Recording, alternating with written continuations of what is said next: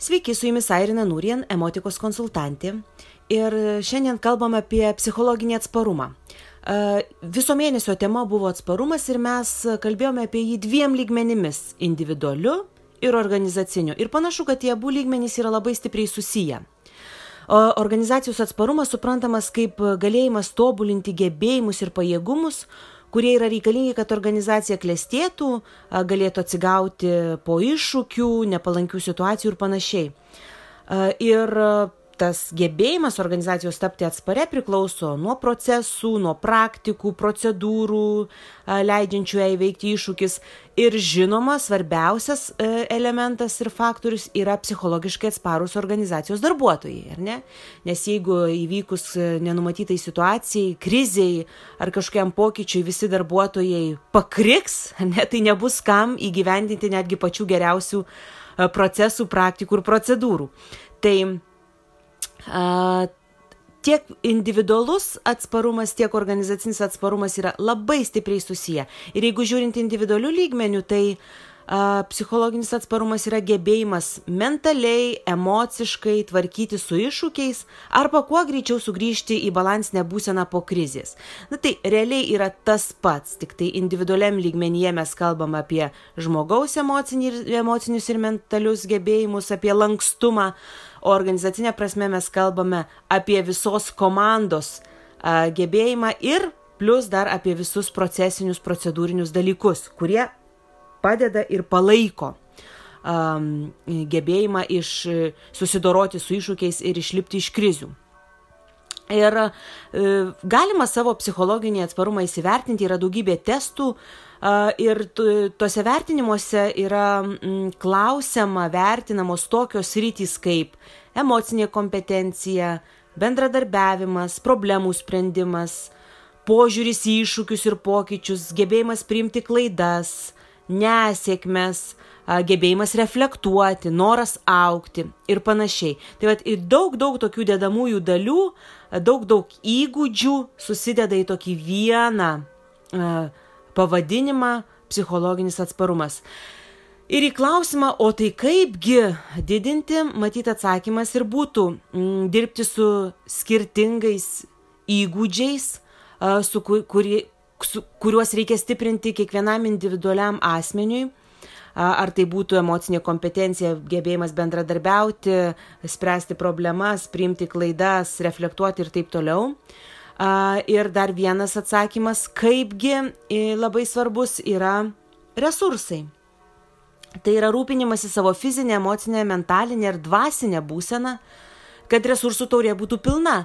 Nes mes puikiai žinom, kad jeigu mes e, esam pilni, e, tai daug lengviau yra um, reaguoti konstruktyviai ir elgtis vertybiškai, integraliai, netgi pačiose sudėtingiausiose situacijose. Bet jeigu mes esame tušti, tai pavadinkim, tiek emociškai esam pavargę, tiek fiziškai nepailsėję, neišsimiegoję ir panašiai.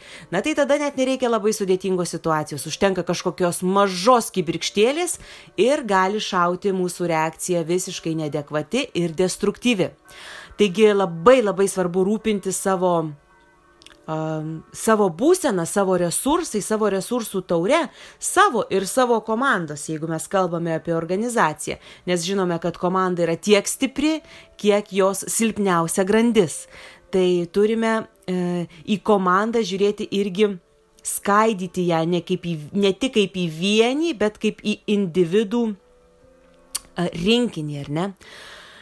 A, tai tas pats galioja, ar ne organizacijos mastu komanda tvirtesnė, pa, kuo komanda tvirtesnė, labiau partneriška, pasitikė vieni kitais, a, jaučiasi saugus komandos nariai, įsisamonina prasme, a, nori aukti ir mokytis, tuo visos organizacijos atsparumas yra didesnis. Ir tada mes daug lengviau priimame iššūkius ir kančią ir nemalonumus, kurių išvengti yra neįmanoma nei, nei individualiam, nei organizacinėme lygmenyje. Tai yra natūrali gyvenimo dalis. Tiek viduje mums kyla įvairiausios emocijos ir emocinė įtampa destruktyvi, tiek išorėje gali atsitikti įvairiausi įvykiai, netektys, krizės ir taip toliau. To mes neišvengsime, net jeigu būsime patys atspariausi bet atsparumas mums tiesiog padės į tai reaguoti konstruktyviau, greičiau uh, imtis veiksmų ir greičiau su tuo susitaikyti arba kažką keisti ir grįžti į tą balansinę būseną. Taigi norisi užakcentuoti, jau daug kartų minėjom tos du lygmenys - organizacija ir individas, žmogus ir komanda, darbuotojas ir, ir komanda, bet iš tikrųjų tai yra labai svarbus akcentas. Individualūs resursai ir komandos resursai. E, abu lygmenys yra svarbus, dėl to norėdami didinti organizacijos atsparumą, mes turim ir skirti jiems abiems dėmesį. Organizacinių lygmenių e, svarbus klausimai yra tai, kaip skatinti partnerystę, bendradarbiavimą, palaikymą, pasitikėjimą vieni kitais, saugumą komandoje, nuolatinį mokymąsi, refleksijas ne, komandos lygmenių, organizacinių lygmenių kokiais veiksmais mes galime tai paskatinti, sukurti tą tokią partnerišką ir saugią kultūrą organizacinę. Ir lygiai taip pat individualių lygmenių, nes tik komandinio lygmens neužtenka, nes kiekvienas komandos narys yra unikalus ir nors komandiniai dalykai labai svarbus kiekvienam, tačiau kiekvienas dar turi savo individualius poreikius ir jeigu jie nebus patenkinti, tuomet mes nepasieksime efektyvumo komandoje. Tai individualių lygmenių tokie svarbus klausimai yra, tai kokiegi resursai svarbiausi kiekvienam komandos nariui. Ir kaip organizacija arba kaip aš kaip vadovas, aš kaip personalo vadovas galiu prisidėti prie jo gerovės. Kažkam galbūt dabar labiausiai reikia palaikymo, um, saugumo, kažkam labiausiai reikia paskatinimo, įvertinimo, kažkam labai svarbu karjera, ne, tai yra vienas didžiausių resursų. Taigi turime sudaryti tam sąlygas ir galimybės individualiai žinoti, pažinti ir palaikyti ir sudaryti sąlygas ir galimybės kiekvienam aukti ir skleistis uh, individualiai komandoje. Ir tai yra didelis darbas, taip, ir tai yra vienas pagrindinių vadovo darbų.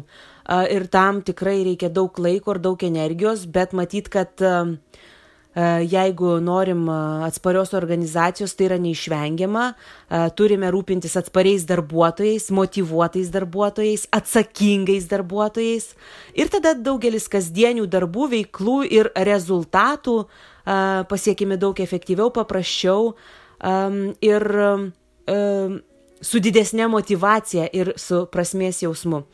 Taigi, tos klausimas, vat, ko man dabar reikia ir ko dabar reikia mano komandos nariams, kiekvienam atskirai ir visai komandai, tas poreikio klausimas turėtų būti visada vadovo kišenėje.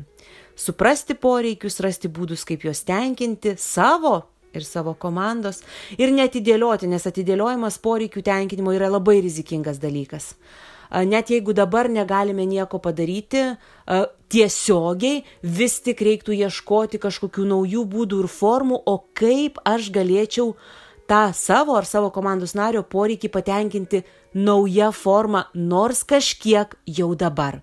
Nes pasakyti, kad pavyzdžiui, jeigu a, mano darbuotojui, nu labai svarbu karjera dabar yra jo didžiausias resursas ir didžiausias poreikis yra kilti karjeros laiptais, realizuoti save ir mes pasakysim, žinok, nu mes dabar neturim a, jokių pozicijų, jokių galimybių, a, tai grįšim prie šito klausimo po metų tai yra labai rizikinga. Nes uh, jeigu tai yra tam darbuotojui labai svarbu, uh, tai tas grįžimas po metų yra stipriai demotivuojantis dalykas. Ir taip, jeigu nėra galimybių, jų nėra, bet mes tik e, konkrečiai, ne, pasiūlyti naują poziciją darbuotojui. Bet mes tikrai galim ieškoti, o kaip galėtumėm patenkinti jo šitą poreikį nors truputėlį jau dabar, galbūt įtraukti į kažkokį projektą naują, galbūt suteikti jam papildomą funkciją, galbūt suteikti galimybę jam kelti kvalifikaciją, mokytis kažko, kompetenciją didinti, įtraukti kažkokius strateginius procesus e, nežinau, mentorystės programą įtraukti ar į talentų programą, kaip galima padėti tenkinti šitą poreikį darbuotojų jau dabar, nors ir ne visai tiesiogiai, bet bent kažkiek po žingsnelį netidėliojant. Taigi, labai linkiu tą prisiminti, Labai linkiu atsiminti šitą klausimą ir turėti jį kišenėje, bandant suprasti poreikius ir ieškant būdų, kaip juos tenkinti, prisiminti savo resursus, pildyti resursų taures nuolatos ir kurti atsparias organizacijas. Ačiū Jums, kad klausėte ir iki kitų greitų susitikimų.